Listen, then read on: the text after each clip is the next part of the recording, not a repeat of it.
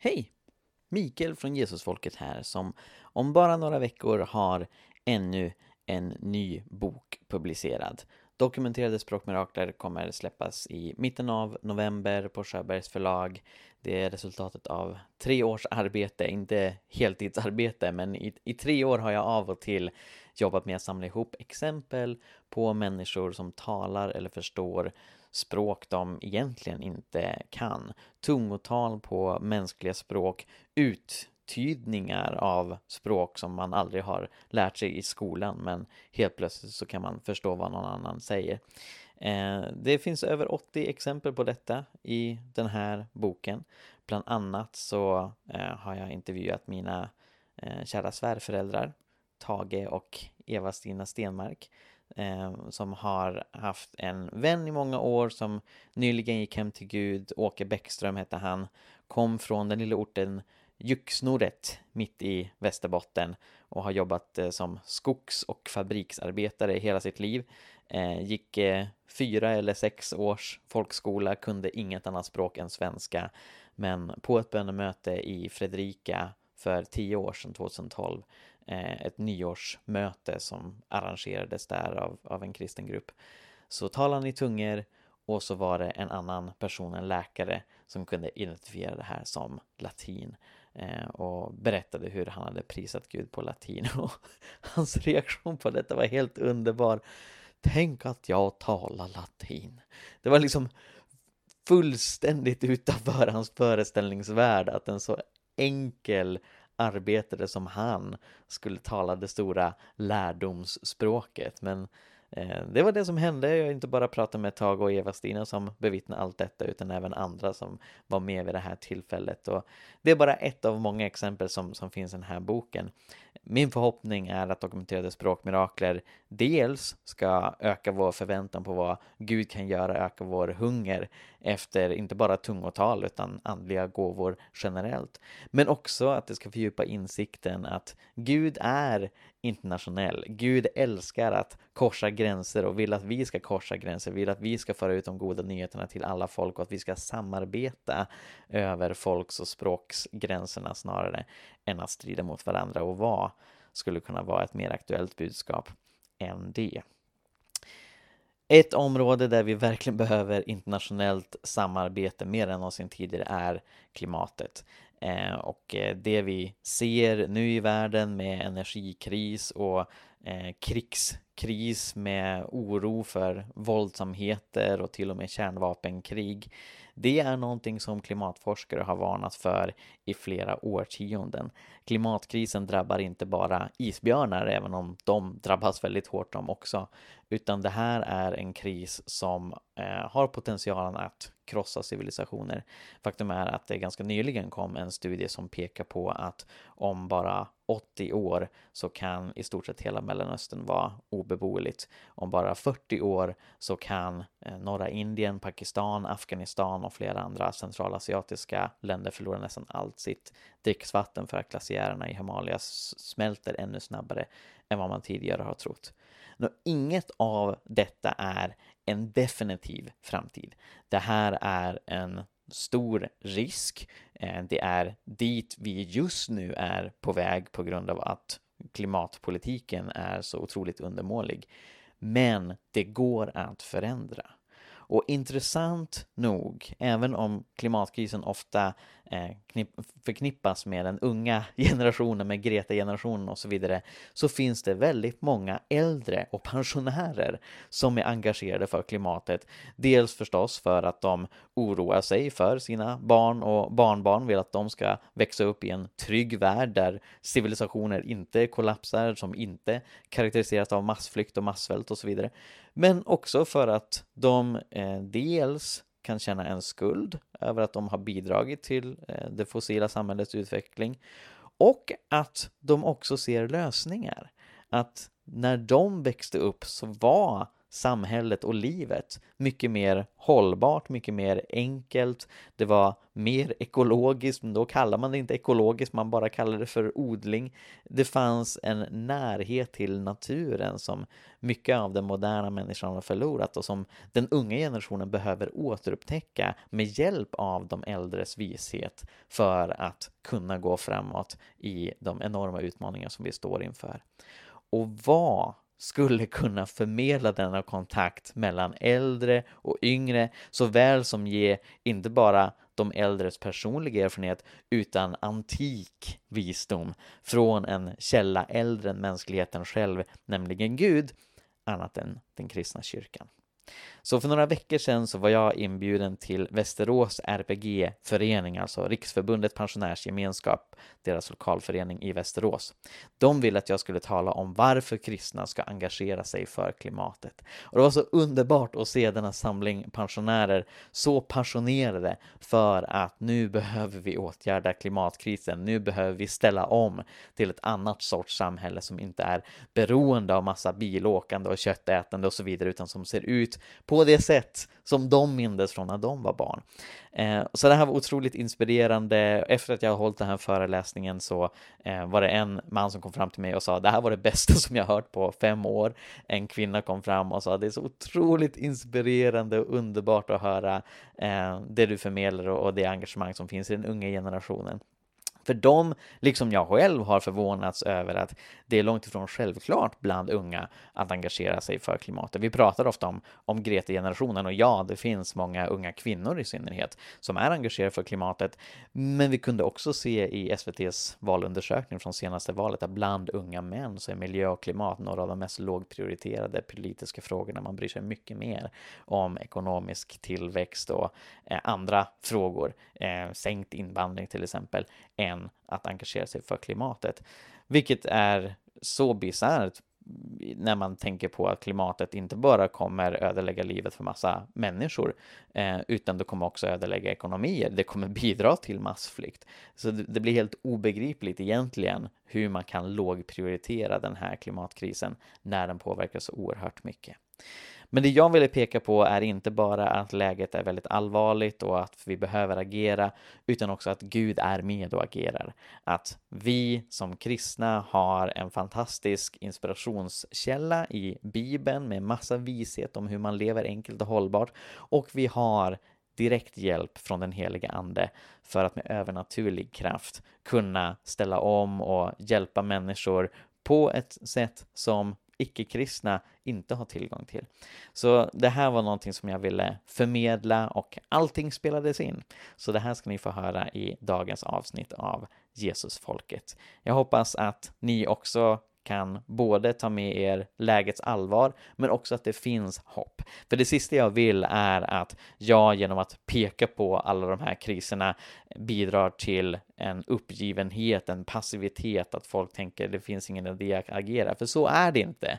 De scenarier som jag pekar på, det är de scenarier som just nu är vår framtid, men det kan förändras genom att vi lever på ett annat sätt, genom att politiken blir annorlunda och genom att vi med hjälp av Guds ingripanden pekar på ett bättre sätt att leva, att en annan värld är möjlig. Så jag hoppas att det här avsnittet blir både till inspiration och hjälp för er. Håll till godo.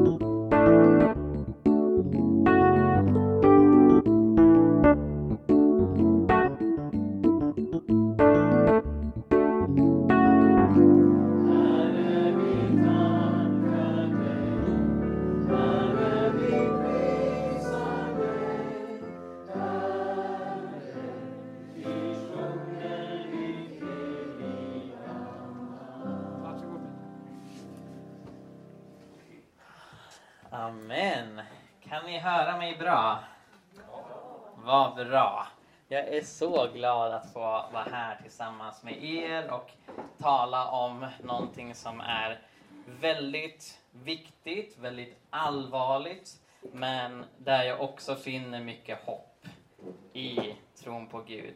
Eh, och jag tycker att det är så bra att kristna engagerar sig för klimatet och kommer förklara varför under den här presentationen Om det är något som Gå lite snabbt eller som ni undrar över så känn er fria att sträcka upp handen under presentationens gång. Och sen kommer vi ta tid för frågor i slutet också. Vem är då jag?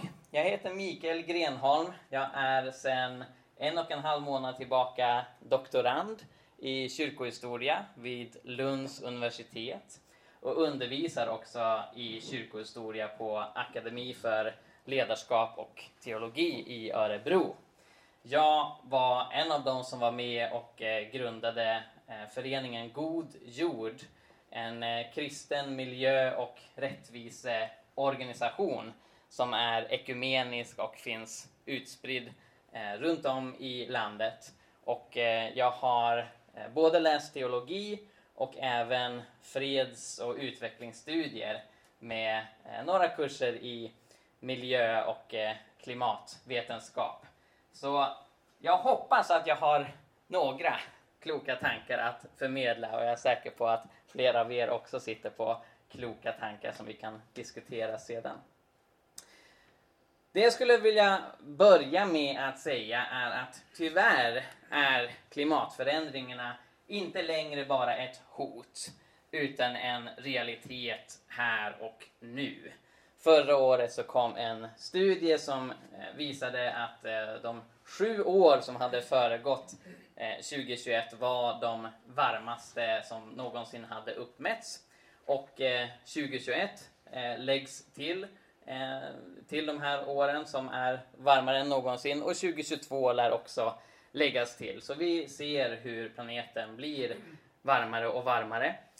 IPCCs senaste rapport som samlar klimatforskare över hela världen under FNs paraply eh, konstaterar att eh, klimatförändringarna är eh, ofrånkomliga och oåterkalleliga. Nå, det som de poängterar är att det är en väldigt stor skillnad mellan små klimatförändringar och stora klimatförändringar. Och vi ska göra vårt yttersta för att begränsa klimatförändringarnas påverkan på naturen såväl som samhällen så mycket som möjligt. Men det är inte längre en fråga om huruvida klimatförändringarna kommer att komma en dag. De är redan här. Och det syns i mycket av nyhetsrapporteringen. Det som jag kommer visa nu är rubriker som alla har kommit det senaste året, alltså sen sommaren 2021. För bara ett halvår sedan i mars så konstaterades det att delar av Antarktis var 40 grader över det normala. Och det här är vad klimatforskare har talat om länge, att det vi kommer se eh, upphettas snabbast, det är polerna och öknarna. Eh, och nu ser vi det. Så Antarktis och Arktis är mycket varmare än normalt. I somras så kom det nyhetsrapporter om att en tredjedel av USAs befolkning, 100 miljoner människor, uppmanades att stanna inomhus för att värmeböljan eh, var extremare än någonsin. Det blir allt svårare att bo och leva i Mellanöstern och det kommer flera oroväckande studier om att Mellanöstern innan århundradet är slut kan komma att bli ungefär som Sahara eh, och vara eh, mer eller mindre helt obeboeligt för människor, i vart fall de innersta delarna av Mellanöstern. Och ytterligare en studie som har kommit under det senaste året eh, förknippar 5 miljoner för tidiga dödsfall till klimatförändringarna. Det handlar då eh, framför allt om eh, äldre och sjuka som löper större risk att dö i förtid under onormala värmeböljor. Och det ser vi i allt högre grad. Varför ska kristna engagera sig i detta? Dels ser jag det som en naturlig konsekvens av kristen nästan kärlek och, och medmänsklighet att naturligtvis försöka undvika eh, dessa katastrofer så mycket som möjligt. Men sen så måste jag med eh, lite pinsamhet ändå peka på att någonstans så har kristna, känner jag, ett extra ansvar att engagera sig i klimatet. För att historiskt sett så har det främst varit den kristna sfären som har släppt ut mest växthusgaser. Nå, naturligtvis så var det väldigt länge som man inte visste att koldioxid och metan och så vidare skulle få de här konsekvenserna. Även om vi finner kristna kritiker som författaren Eh, J.R.R. Tolkien som redan på 40 och 50-talet kritiserade industrialismen och hur den förstörde naturen, så var kunskapen begränsad.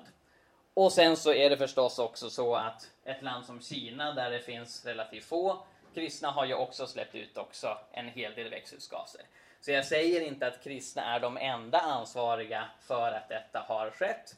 Men det vi ändå behöver kunna konstatera och, och ha i bakhuvudet, det är att det är väldigt många kristna som kanske mot bättre vetande har bidragit till den här situationen genom att stötta industrialiseringen som har varit fossilbaserad i nu 200 år ungefär.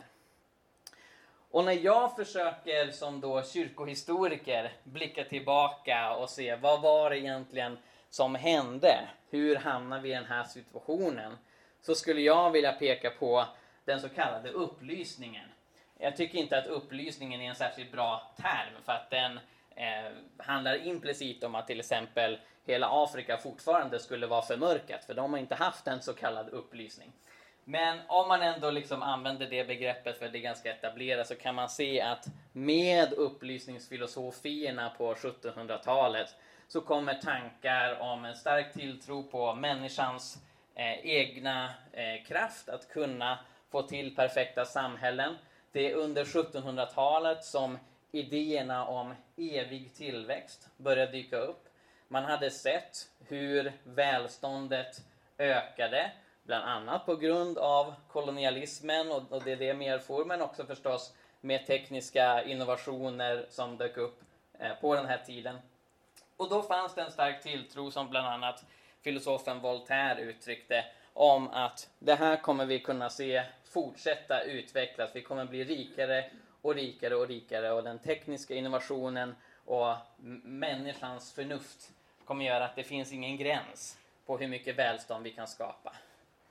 Voltaire tänkte inte på att det finns en ganska naturlig gräns i det att resurserna som vi använder är begränsade så länge vi inte försöker ta, ta över andra planeter och så vidare, men, men det går inte så bra hittills. Och Voltaire, han var inte särskilt kristen, han var väldigt kritisk till eh, kristen religiositet, även om han trodde på Gud. Men ändå så var de här tankarna som togs över bland annat i USA där eh, eh, kristna som, som eh, bodde i kolonierna där utvecklade tankar om eh, Manifest Destiny, om eh, USAs eh, gudomliga öde att ta över eh, resten av den nordamerikanska kontinenten. Och med de här tankegångarna så växte det fram en hunger efter mer och mer resurser, mer och mer välstånd som egentligen sällan pratade om när har vi vuxit klart?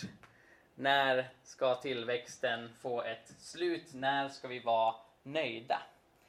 Och frånvaron av de frågorna tror jag har ställt till med väldigt mycket.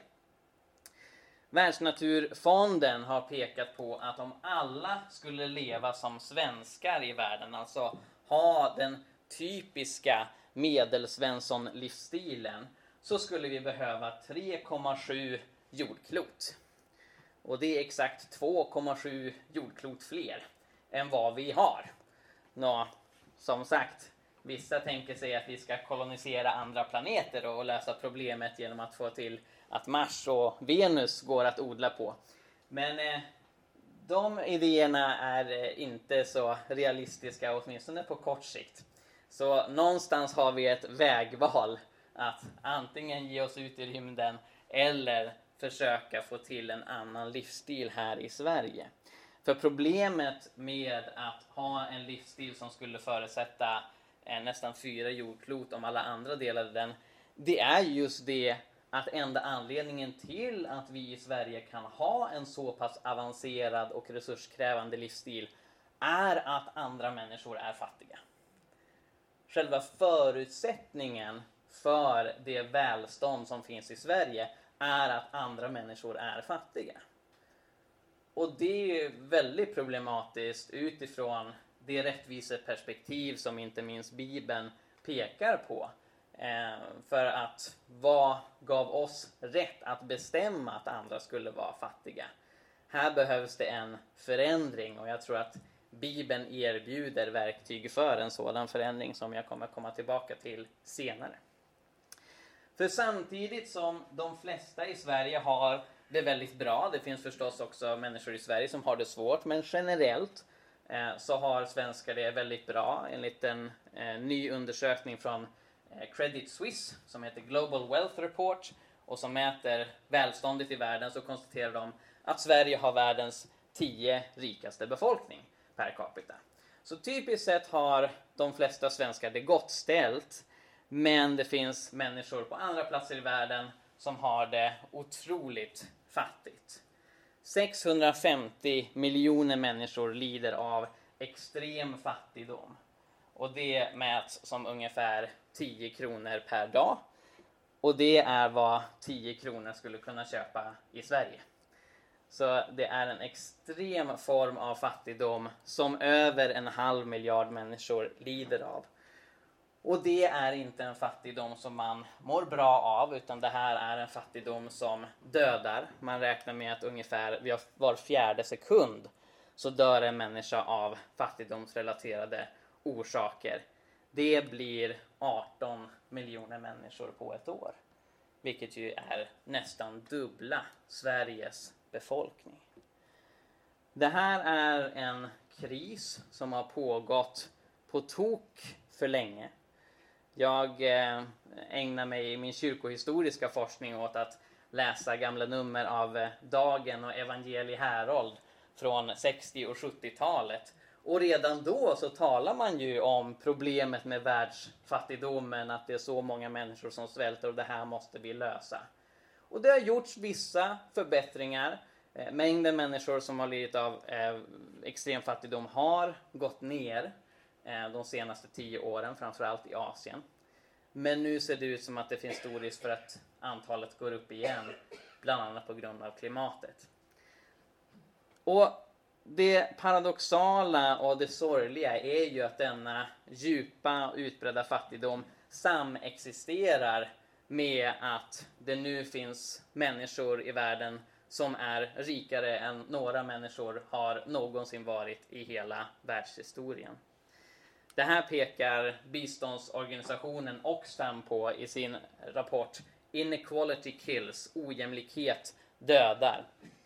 Den här skrevs eh, förra året efter att pandemin hade pågått i drygt ett år.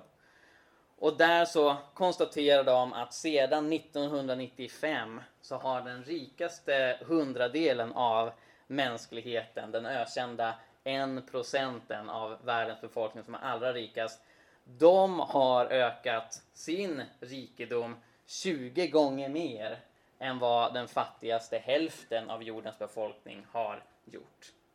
Och de pekar på hur det faktum att eh, över 21 000 människor dör varje dag på grund av extrem fattigdom hänger samman med att de allra rikaste eh, får extremt mycket mer rikedom, inte minst under pandemin, samtidigt som pandemin slog allra hårdast gentemot de fattigaste. Och liknande orättvisor finns när det gäller klimatet. Så det här pekar Oxfam också på att om man bara zoomar in på de 20 rikaste miljardärerna i världen, alltså då pratar jag inte 20% utan 20 individer dessa 20 personer har släppt ut 8000 gånger mer växthusgaser än de fattigaste en miljard människorna. Om man zoomar ut mer och tittar på de rikaste 10 procenten av världens befolkning, där majoriteten av Sveriges befolkning ingår. Inte alla svenskar, men väldigt många svenskar ingår i de rikaste 10 procenten. Då har vi släppt ut lika mycket växthusgaser mellan 1990 och 2015 som resten av världen.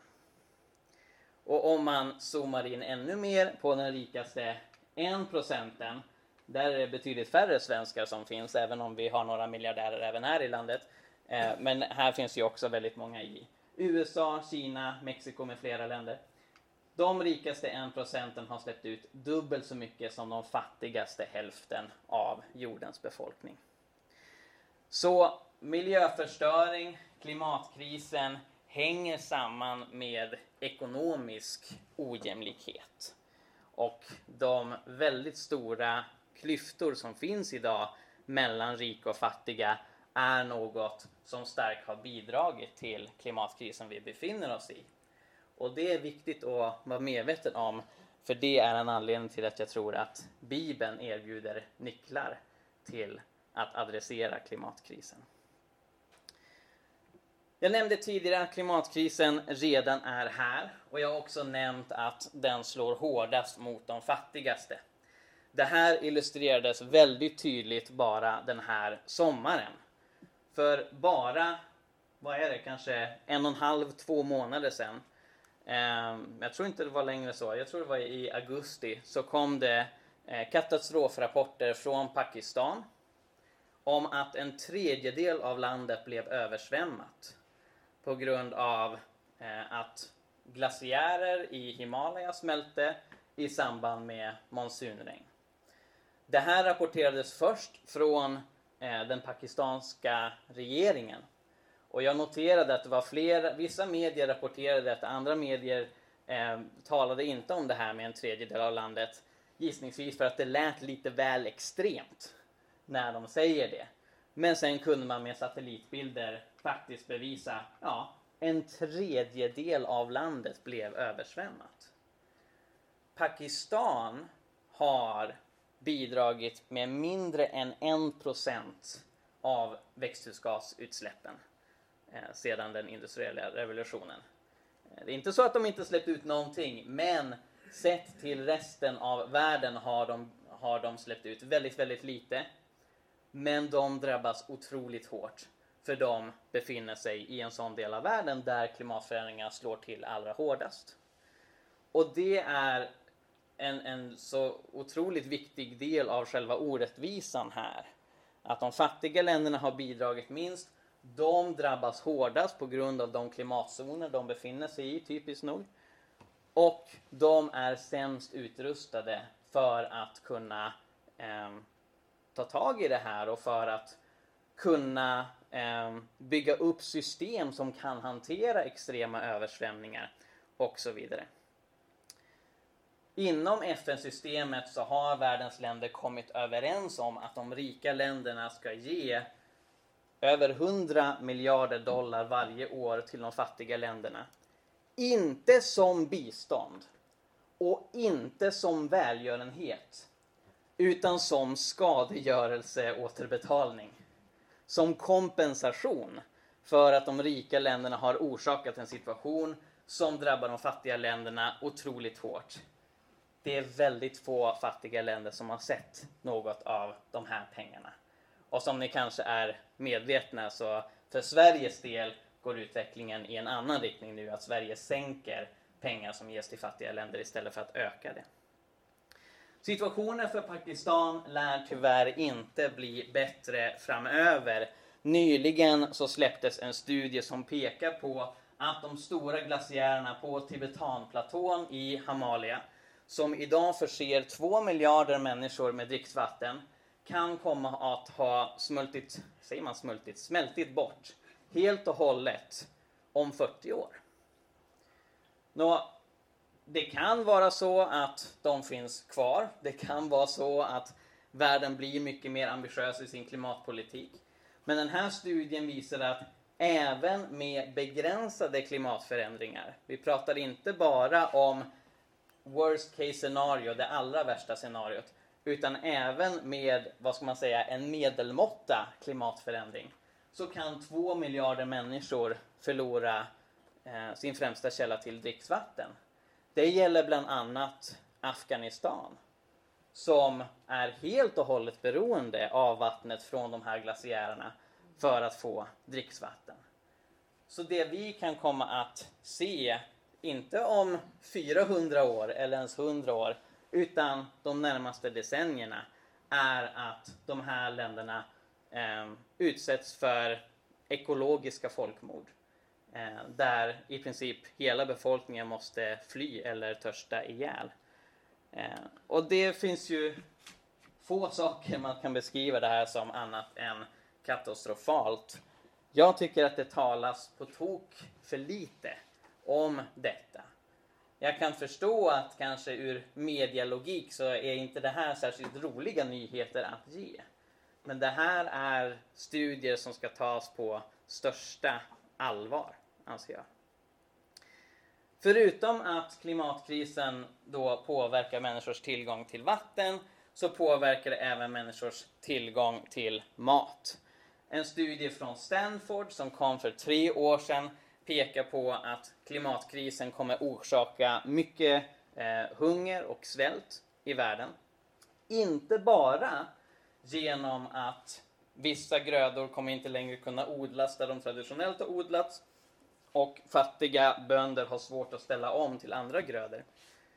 Utan de pekar också på att näringshalten i många eh, viktiga stapelgrödor kommer minska med ett förhöjt klimat, även på de platser där de kan odlas. Och det vi har sett under pandemin är att hungern har spridit sig allvarligt i världen. Idag är det 800 miljoner människor som lägger sig hungriga varje kväll. Och 345 miljoner av dem, alltså nästan hälften, lider av det som FN kallar akut livsmedelsosäkerhet.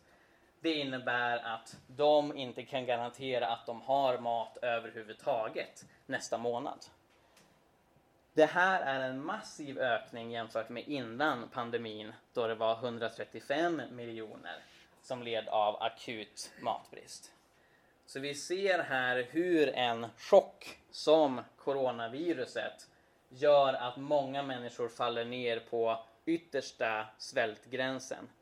Och vi vet att samma effekter har krig och samma effekter har eh, flyktingströmmar när människor tvingas på flykt av olika anledningar.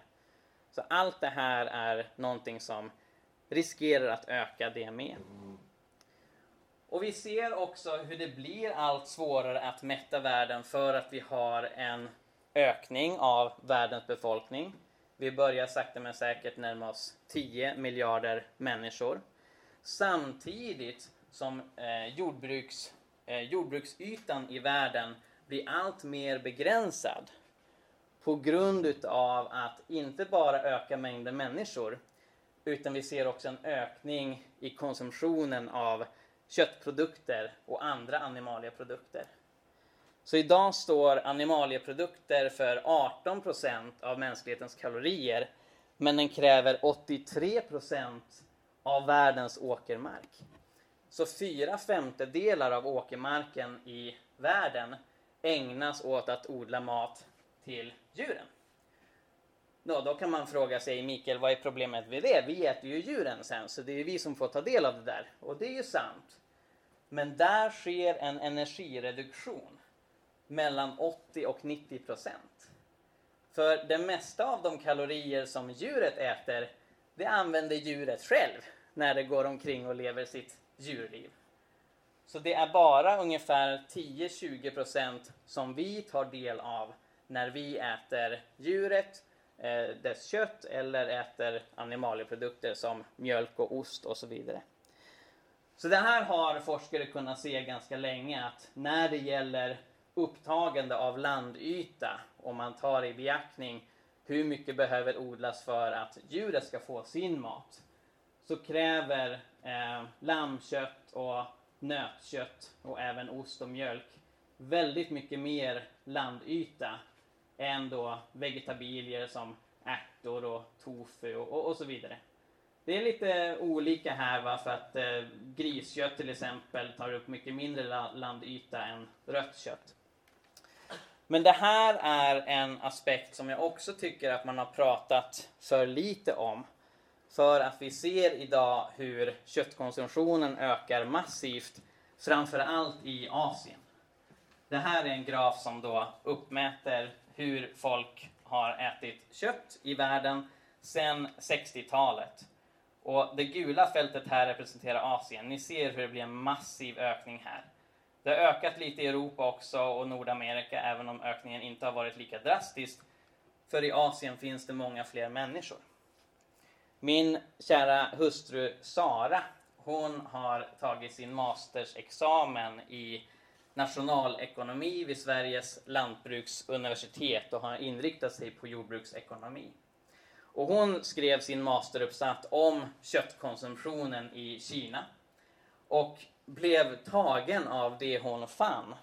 Att på grund av att allt fler kineser skaffar sig en västerländsk diet som har mycket mer kött jämfört med den traditionella kinesiska kosten där kött är väldigt ovanligt och i väldigt små mängder. Så ökar kött, köttkonsumtionen drastiskt i Kina så att Kina inte längre är självförsörjande på mat. För de har inte längre jordbruksytan till det, åkermarken finns inte där.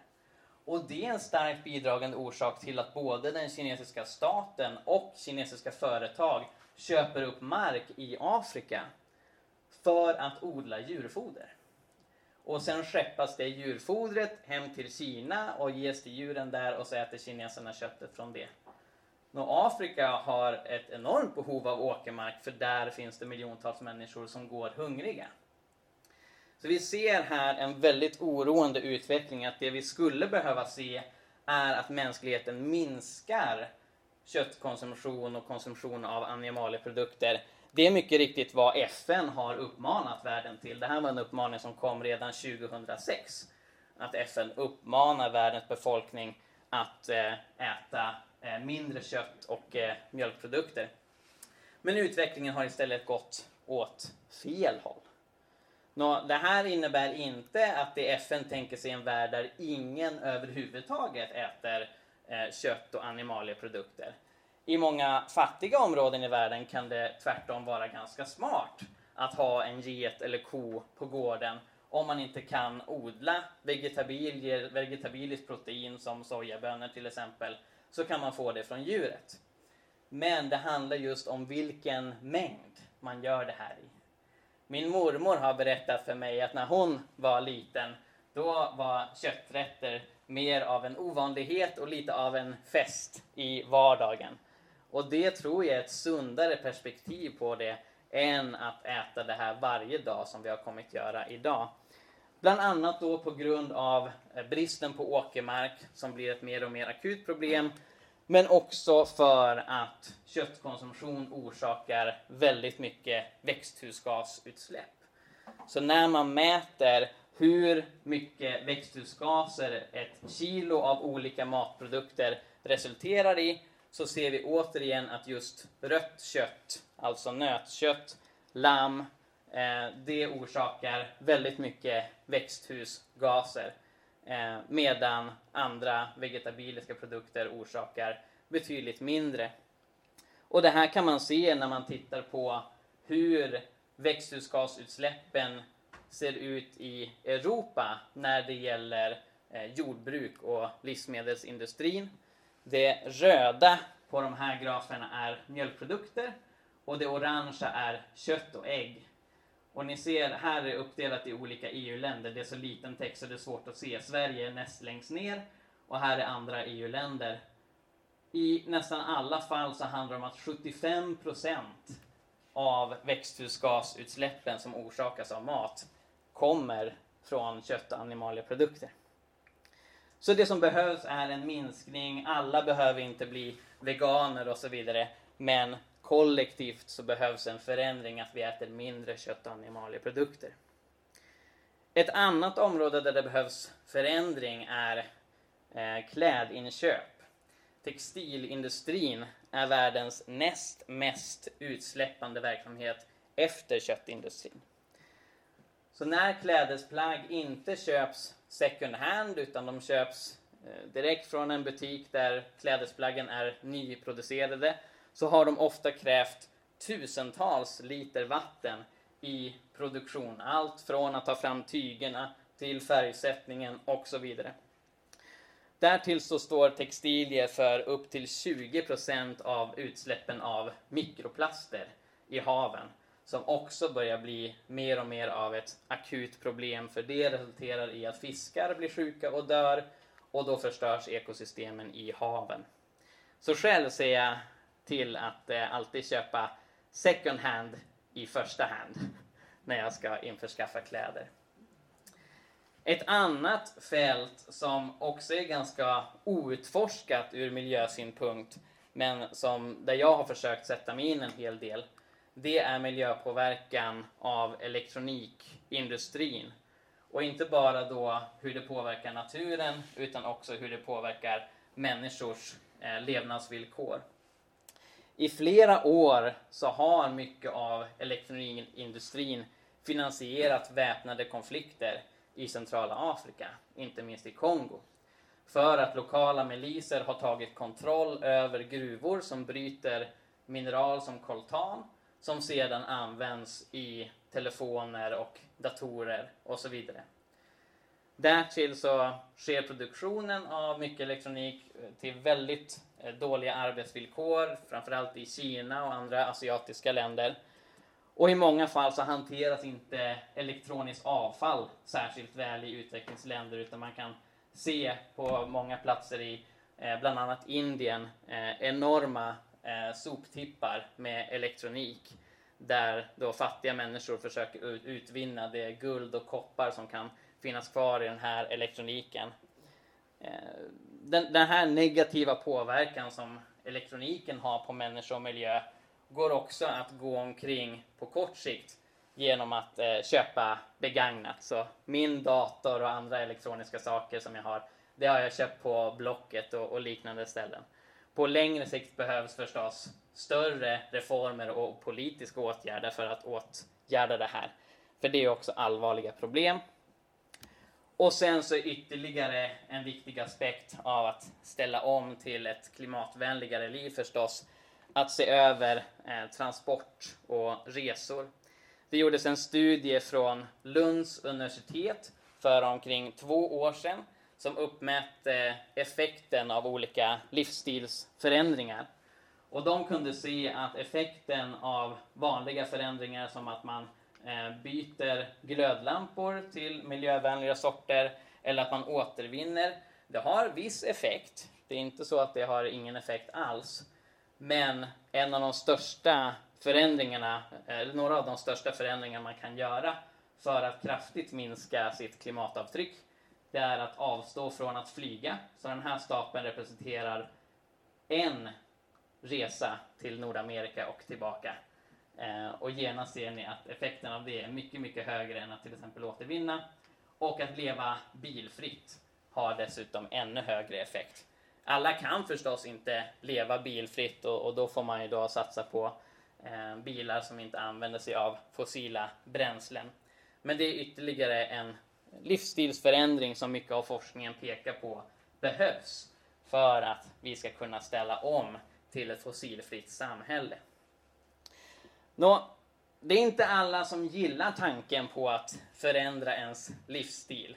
Det är inte alla som eh, tycker att eh, det är vare sig realistiskt eller känns särskilt roligt. Eh, och en av de som har uttalat sig kritiskt om tanken om att förändra människors eh, livsstil är vår nya statsminister Ulf Kristersson. Han sa till Dagens Nyheter i somras, mitt mål är inte att människor ska ställa om sina liv för att lösa klimatkrisen. Det resulterade i vad jag skulle säga är århundradets vetenskapliga utskällning. Nu har vi inte kommit så långt på det här århundradet, men jag har aldrig tidigare sett hur nästan 2000 forskare går samman för att skälla ut politiker, vilket de gjorde på Aftonbladet Debatt nu kritiserar de fler politiker än Ulf Kristersson. De, de tyckte att eh, det är få politiker som tar klimatkrisen på tillräckligt stort allvar. Men de hänvisade specifikt till just det här uttalandet som Ulf Kristersson hade gjort och kallade det för ovetenskapligt. De skrev följande. Klimatförändringarna påverkar inte bara vårt välbefinnande utan det handlar om vår egen och andra arters överlevnad och att civilisationer hotas. Forskningen om klimatet och den biologiska mångfalden visar tydligt att de globala kriserna inom dessa områden huvudsakligen är kopplade till ohållbar konsumtion. Så de menar att vi behöver förändra hur vi lever, hur vi agerar konsumtionsmässigt och ställa om till ett annat typ av samhälle. Och de nämner här att civilisationer hotas. Det här är något som fler och fler forskare börjar tala om. En forskare som Gaia Harrington menar att stora delar av vår moderna civilisation, alltså den globala kapitalistiska civilisationen som de flesta länder är en del av, eh, inte kommer klara sig särskilt länge. Hon får medhåll av en av Australiens Eh, ledande forskare eh, som pratar om att en civilisationskollaps är det mest troliga resultatet av klimatkrisen.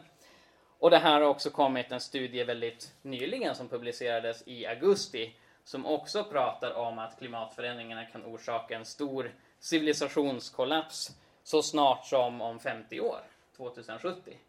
Eh, det här är förstås väldigt svårt att säga, dels vad som vad en, en civilisationskollaps i praktiken innebär och det inkluderar många osäkra faktorer som att klimatförändringarna ökar risken för saker som krig, inklusive kärnvapenkrig, finanskris och fler pandemier.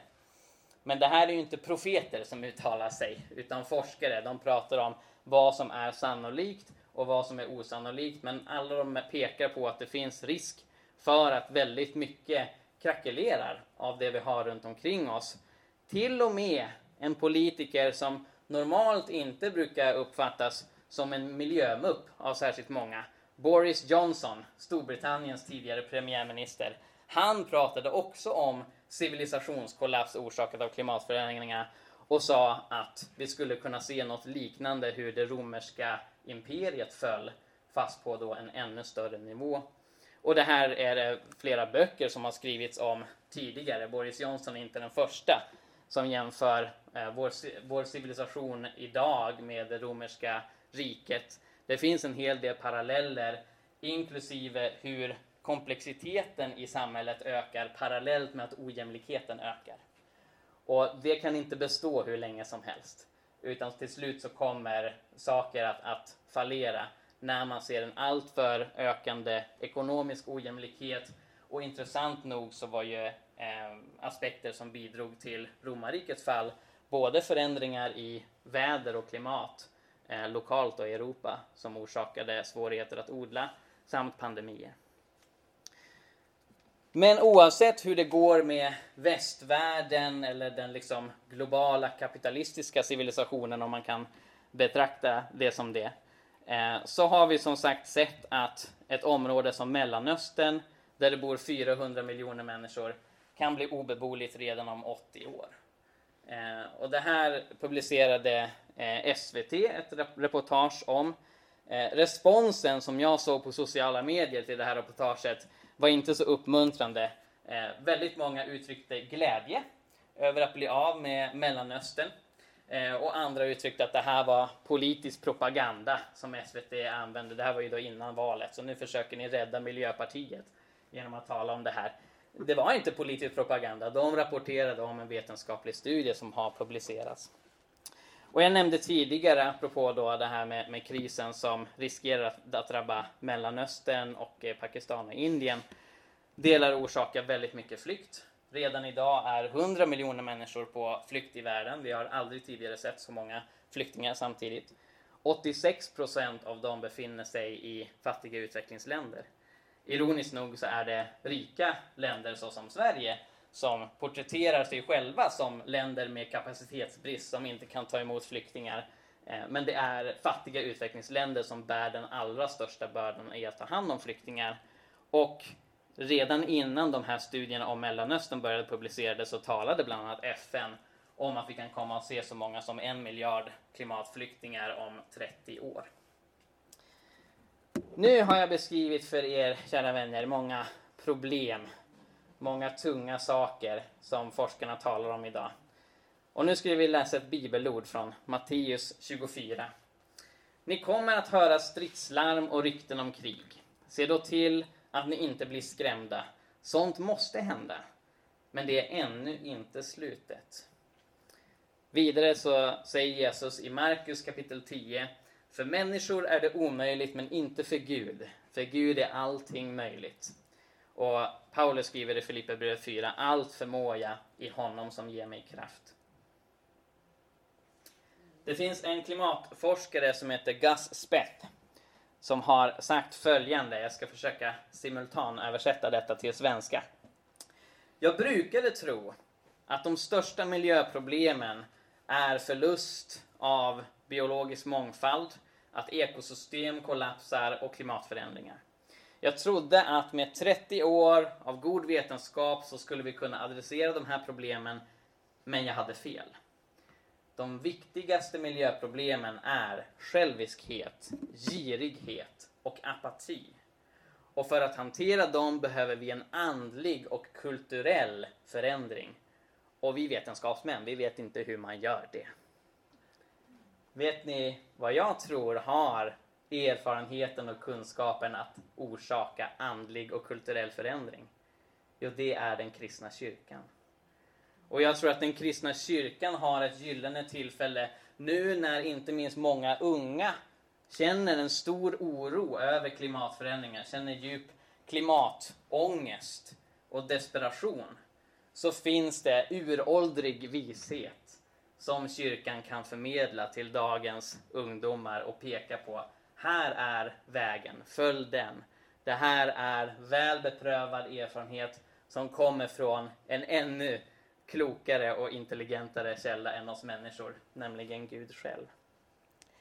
Så nu skulle jag vilja vända till några bibelord som jag tycker utgör nycklar till att adressera de enorma utmaningar vi har framför oss. Bibeln talar en hel del om enkelhet. Och när jag pratar om enkelhet så menar jag inte fattigdom. Jag menar att eh, dikotomin, uppdelningen mellan fattigdom och rikedom, är lite för enkel om ni får ursäkta ordleken. Däremellan skulle jag placentera enkelhet. Att varken vara fattig eller vara rik. Att nöja sig med det nödvändigaste.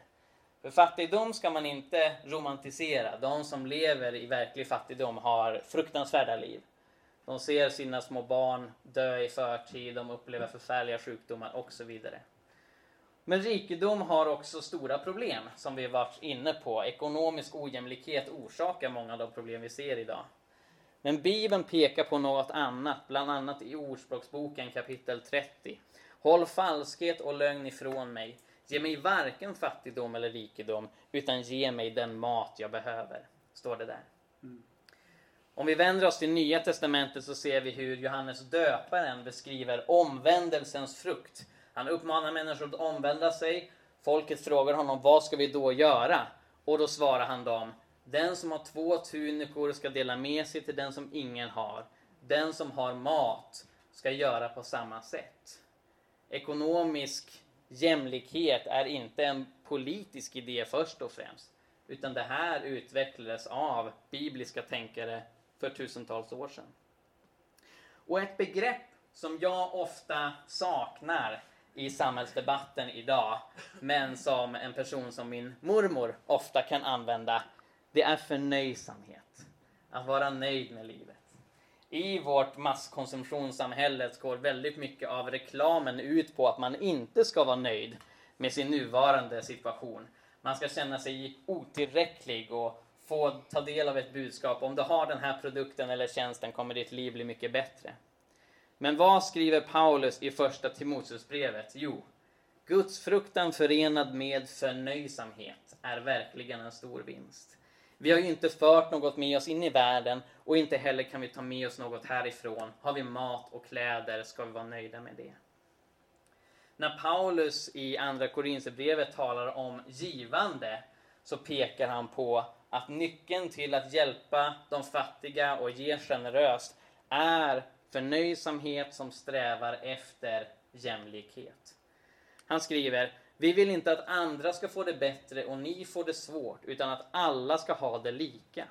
Just nu ska ert överflöd avhjälpa deras brist, så att deras överflöd en annan gång kan avhjälpa er brist. Så blir det lika för alla som det står skrivet. Den som samlat mycket hade ingenting över. Den som samlat lite saknade ingenting.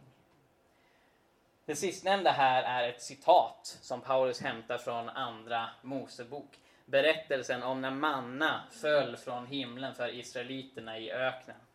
Och det står att eh, det var vissa av de gamla och sjuka som inte kunde plocka något bröd från marken.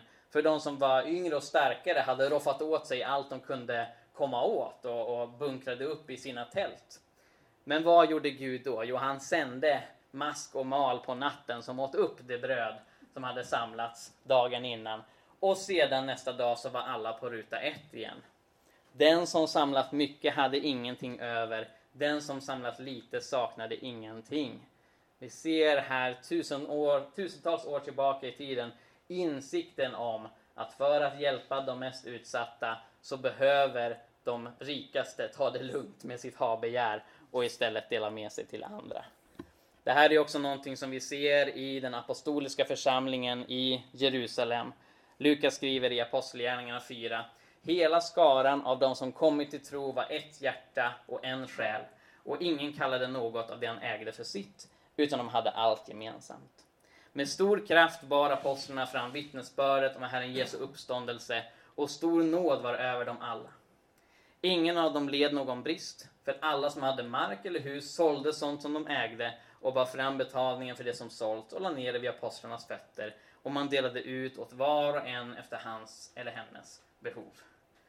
Ingen av dem led någon nöd, ingen led någon brist, för att ingen heller var särskilt mycket rikare än någon annan. De var ett hjärta och en själ och tog hand om varandra. Och det här är en tanke som en av dessa apostlar, nämligen Johannes, återkommer till i sitt första brev. Om någon har jordiska ägodelar och ser sin broder lida nöd men stänger sitt hjärta för honom, hur kan då Guds kärlek förbli honom? Men Mikael, tänker någon kanske nu. Det är ju jättefint att Bibeln ger oss inspiration för enkelhet, jämlikhet och förnöjsamhet. Men de problem som du presenterar för oss, de är ju så stora. De är ju så massiva. Är det inte lätt att känna hopplöshet och uppgivenhet i situationen? Jo, det är ganska lätt att känna. Jag har vid flera tillfällen känt ganska mycket hopplöshet och uppgivenhet själv. Men förutom att intressera mig för miljö och rättvisa så är jag också väldigt intresserad av mirakler. Mirakler på Bibelns tid, mirakler idag. Ehm, nu i, tidigare i morse så skickades en bok jag har skrivit till tryckeriet. Sjöbergs förlag ska ge ut en bok som jag skrivit som heter Dokumenterade språkmirakler. När Gud ger människor språk som de aldrig har lärt sig. Och det är ett intresse som jag haft i många år och det jag verkligen uppskattar och som jag då också ger exempel på i den boken, det är när miraklerna främjar fred och rättvisa. När de här världarna möts. Vilket vi ser många exempel på i Bibeln. I Första Kungaboken kapitel 17 ber profeten Elia en änka om att få bröd. Och hon förklarar för honom, jag har bara lite bröd kvar som jag och min son ska äta och sen ska vi dö. För vi har inget mer bröd. Men Elia ber för den här familjen. Gud gör ett under, ett matunder som gör att de överlever och även kan mätta Elia.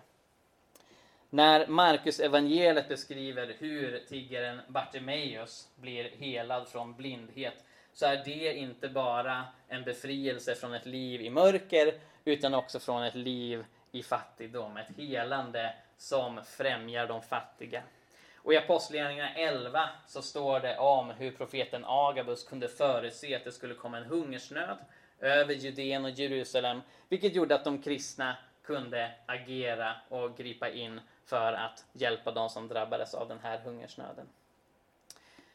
Jag har tagit del av flera vittnesbörd om när människor har upplevt liknande saker idag. Bland annat så min vän Andreas Kuka som är pingstpastor och missionär inom Gå ut mission. Han har åkt ut i världen och predikat evangeliet bland annat i Västafrika, i Guinea. Så han berättade för mig att för ungefär tio år sedan tror jag det var, så var han på plats i Guinea. Han eh, förkunnade utifrån Bibeln att Jesus kan bota de sjuka, ge syn åt de blinda och hörsel åt de döva. Och efter att han hade förkunnat och bett för helande så kom det upp ett gäng män på scenen och de pekade på sin kompis som de hade med sig i mörk jacka och liten vit huvudbonad som ni ser här. De sa till, till Andreas, den här mannen var blind och nu kan han se. Gud är så stor. Och Andreas han har mycket tro för det mirakulösa men han kände sig lite skeptisk vid det laget. För när han tittade på den här mannens ögon så såg han hur de var alldeles eh, grumliga. Så han frågade honom, är du säker på att du kan se? Och mannen sa, ja, jag kan se. I så fall vill jag att du nyper min näsa, sa Andreas. För om man är väldigt synskadad så har man svårt att urskilja näsan på människor. Och som ni ser på bilden, den här mannen kunde nypa Andreas Eh, hur bra som helst. Medan de står och gör det här så ser Andreas hur allt det här grumliga, om det var starr eller vad det var vet jag inte. Men det som hade grumlat igen mannens ögon och, och pupiller, det försvann. Och kvar fanns klara bruna ögon. Så Andreas beskrev det för mig och han såg med sina egna ögon hur den här mannen återfick sin syn. En annan missionär som heter Heidi Baker berättar i sin bok Always Enough, som hon har skrivit med sin man Roland, hur de var med om ett modernt matunder, likt det som Jesus förmedlar vid Genesarets sjö. Det här var på 90-talet. De hade nyligen etablerat sin organisation Iris Ministries i Mosambik. Men när de hade varit igång i bara några år så bestämde den kommunistiska regimen att kristen verksamhet är förbjuden i hela landet. Nu måste ni stänga er, ner ert barnhem som vid det tillfället tog hand om 80 barn. Så inom bara några dygn var de tvungna att packa ner alltihopa, sälja hela lokalen. De tog grejer och barn och tog allt till Heidi och Rolands lägenhet i centrala Maputo. Allt var kaos. Heidi hade inte ätit på två dygn och plötsligt plingade på dörren. Då är det en kvinna från den amerikanska ambassaden som heter Nelda Lawrence som hade med en gryta mat åt Heidi och hennes familj. Det var ris och chiligryta. Heidi sa, jag har en väldigt stor familj och öppnade eh, dörren och visade Nelda att de hade 80 barn där inne. Och Nelda sa, oj, jag ska fråga ambassaden om jag kan hämta mer mat. Och Heidi sa, det behövs inte. Ta och välsigna den här maten så delar vi ut den. Och Nelda, hon var också kristen, men hon var kanske inte lika tokigt kristen som Heidi. Så hon sa, jag förstår vad du försöker göra, det där går jag inte med på. Jo då, välsigna maten så delar vi ut den. Så Nelda tog till slut och bad Gud välsigna maten. Och sen så började de dela ut och det är både Heidi och Roland och även deras vän Supresa Sitole som jag träffade när jag var i Sydafrika för nio år sedan gemensamt berättar det är att de delar ut den här maten till alla 80 barn plus Heidi, Roland, deras familj. Nelda fick också en portion och så var det dessutom mat över som de gav till grannarna. Det de beskrev var att när de tog ur den här grytan så var det som att det bubblade upp ny mat på ett märkligt, mirakulöst sätt. Sist men inte minst vill jag också dela med mig av ett vittnesbörd från min vän Simon Ådahl som är musiker och evangelist, vinnare av Melodifestivalen 1990 med låten Som en vind som han framförde med sitt band Edin Ådahl. Och han och hans bror Frank åkte till Jakarta för tio år sedan, 2012, på ett stort bönemöte där. De var kallade att eh, leda lovsång och när Simon står eh, bakom scenen så går det förbi en europeisk man. Simon känner att han behöver prata med den här mannen, tar och greppar tag i honom och börjar profetera över honom. Han säger, du ska inte alls åka hem. De där som säger att de är mina tjänare, de är inte mina tjänare, men du är min tjänare och du ska inte åka hem. Simon förstår inte själv varför han säger det här. Han upplever att det är den helige ande som vill säga det till den här mannen. Den här mannen är alldeles ställd. Sen börjar han berätta. Jag kommer från Nederländerna, säger han. Och jag anmälde att jag ville hålla ett seminarium om den orättfärdiga guldhandeln mellan Indonesien och Nederländerna. Som förstör miljön och som sker till fruktansvärda arbetsvillkor. Jag fick hålla det seminariet, sa de till mig. Jag kom hit till Jakarta. Men för bara några minuter sedan så var det några pastorer som tog mig åt sidan. Vi gick in i ett rum och så sa de, du får inte hålla det här seminariet.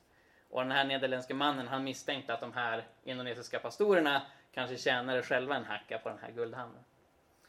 Så de sa, du får inte hålla seminariet, det är inställt. Och när då den här nederländska männen gick ut från det så kände han, då kan jag lika gärna åka hem. så kommer en svensk gubbe, springer fram till honom och förmedlar ett ord från Herren om att han inte alls ska åka hem, att han har en viktig uppgift på den här bönekonferensen. I Jesaja kapitel 25 så står det, han ska för alltid göra döden om intet. Herren ska torka bort tårarna från alla ansikten, sitt folks vanära ska han ta bort från hela jorden, för Herren har talat. På den dagen ska man säga, se här är vår Gud, honom väntar vi på, han ska frälsa oss. Ja, här är Herren som vi väntar på, låt oss vara glada och fröjdas över hans frälsning. Oavsett hur stora problemen är så har vi en ännu större Gud. Och Gud kommer förnya hela skapelsen. Gud kommer ge fred och rättvisa åt skapelsen och åt oss en vacker dag. Vår uppgift är att representera det riket så väl vi bara kan här och nu, hjälpa människor som lider nöd. Men vi ska aldrig ge upp hoppet när det ser mörkt ut, för Gud kommer segra till slut. Jag är som sagt en del av God Jord, en kristen miljö och rättviseorganisation. Och om man vill veta mer och engagera sig mer i kampen för en eh, mer hållbar värld från kristen grund så kan jag varmt rekommendera att ta kontakt med God Jord. Tack så mycket.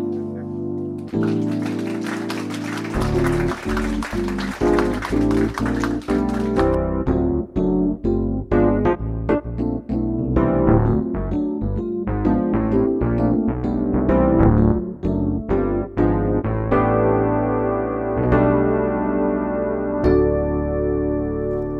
för att du lyssnar på Jesusfolket.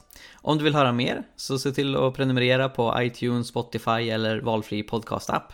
Du kan också lämna en recension, vilket är en eh, liten grej att göra som hjälper oss väldigt, väldigt mycket, så det uppskattar vi verkligen.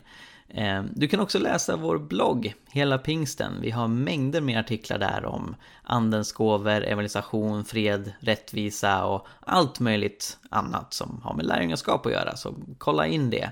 Och vi finns på sociala medier, du kan följa både Jesusfolket och hela pingsten på till exempel Facebook.